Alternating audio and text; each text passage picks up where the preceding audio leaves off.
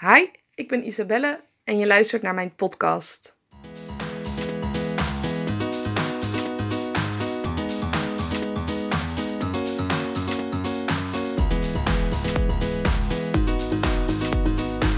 Zo, ik zit nu in de auto onderweg van eh, Rotterdam weer terug naar Leiden. Ik was in Rotterdam om een eh, podcast met eh, Sammy op te nemen. Een mega inspirerende vrouw. Dus heel dankbaar voor de kans die ik daarin heb gekregen.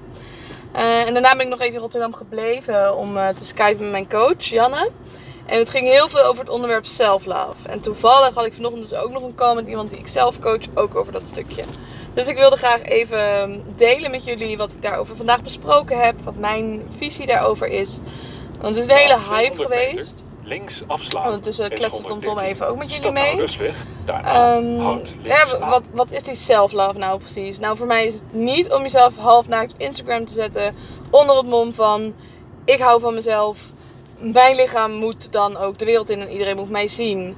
Dat is het voor mij zeker niet. Ehm, hè, ik hoef niet al mijn onzekerheden per se met de hele wereld te delen om ze te ontkennen. Want het is ook best wel oké om ergens onzeker over te zijn. Van, hè, dit, dat is ook een stukje van de zelfacceptatie. Van hè, ik hoef niet alles mooi van mezelf te vinden. Want ik ben meer dan alleen mijn lijf. Dus ik hoef mijn lijf niet zo op Instagram te zetten.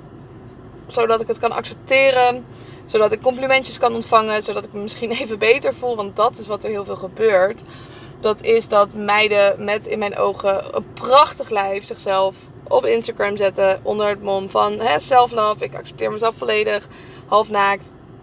Maar alle mensen die in hun ogen hè, iets, iets minder sportief zijn. En niet dat je per se sportief moet zijn. Dus dat je jezelf half naakt op Instagram moet zetten. Maar je bent dan geen rolmodel.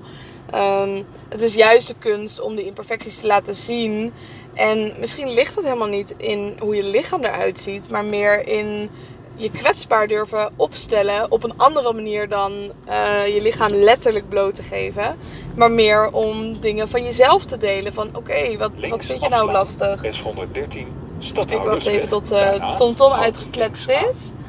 Ehm, want hè, als ik kijk naar onzekerheid over mijn lichaamsdelen. Nou ja, als je het hebt over onzekerheid, dan is het eigenlijk dat je niet zeker weet of het nou goed is of niet. Hè, je hebt twijfels. Soms vind je het wel goed en soms niet. Na Want als je 600 zeker weet dat iets lelijk is, dan ben je er niet meer onzeker over. Want ik zou bijvoorbeeld nooit een foto van mijn voeten delen. Onder het mom van self-love, ik accepteer mijn voeten zoals ze zijn.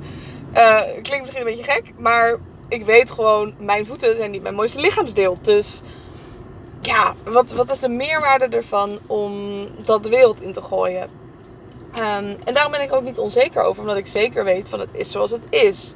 Dus om die onzekerheid te gaan omarmen, misschien moet je dan gewoon tegen jezelf vertellen van... Oké, ik, ik vind mijn buik niet zo mooi. Of ik vind dit niet zo mooi.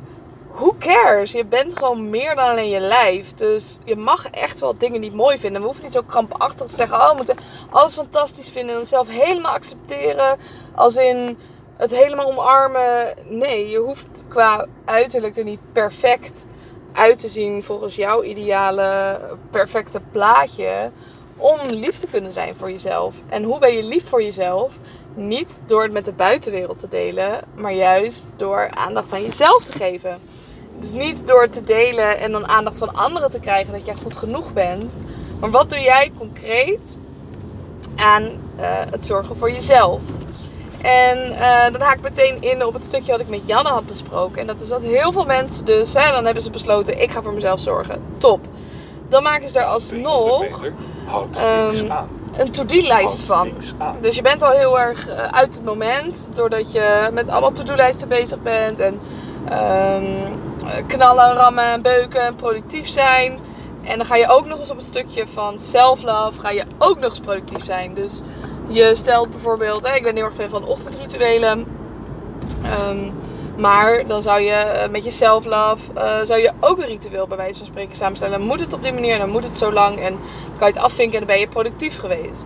Of dat het onder bepaalde voorwaarden valt. Van oké, ehm, ik mag van mezelf ontspannen, maar daarvoor moet ik hard gewerkt hebben. Want anders mag het niet.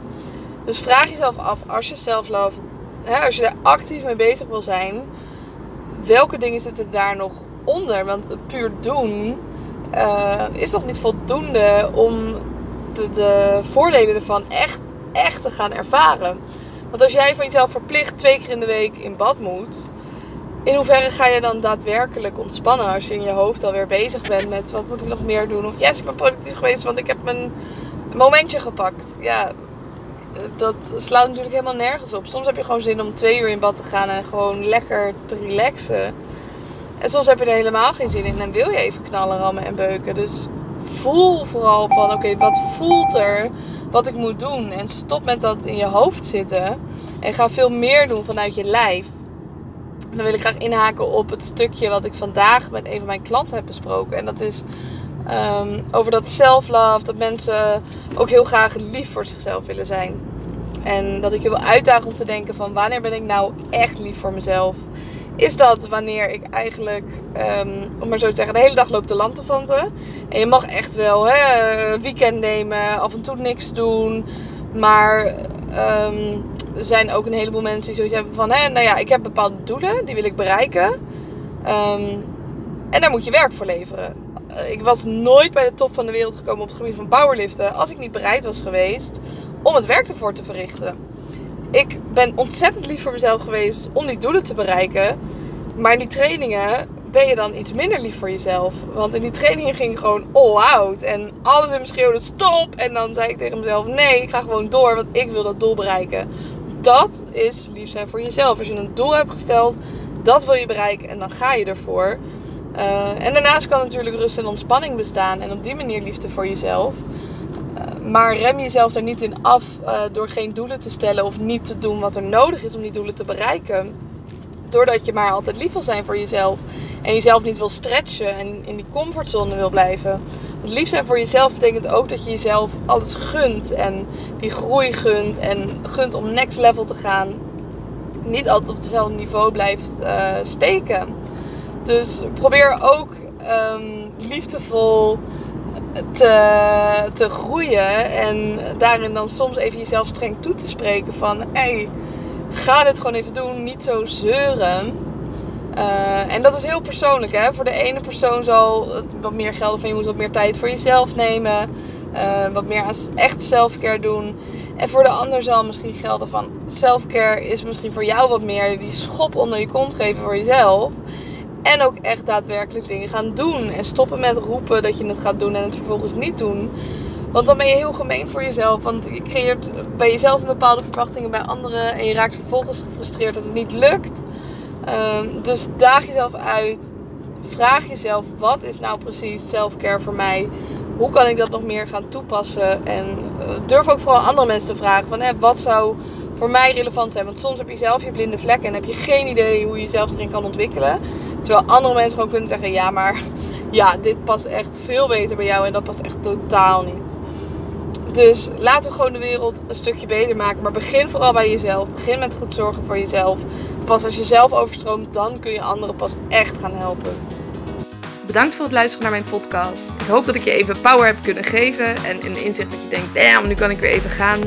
Vergeet me niet te volgen op Instagram, isabellelifts. Of mijn site even te bezoeken, isabelleveteris.com.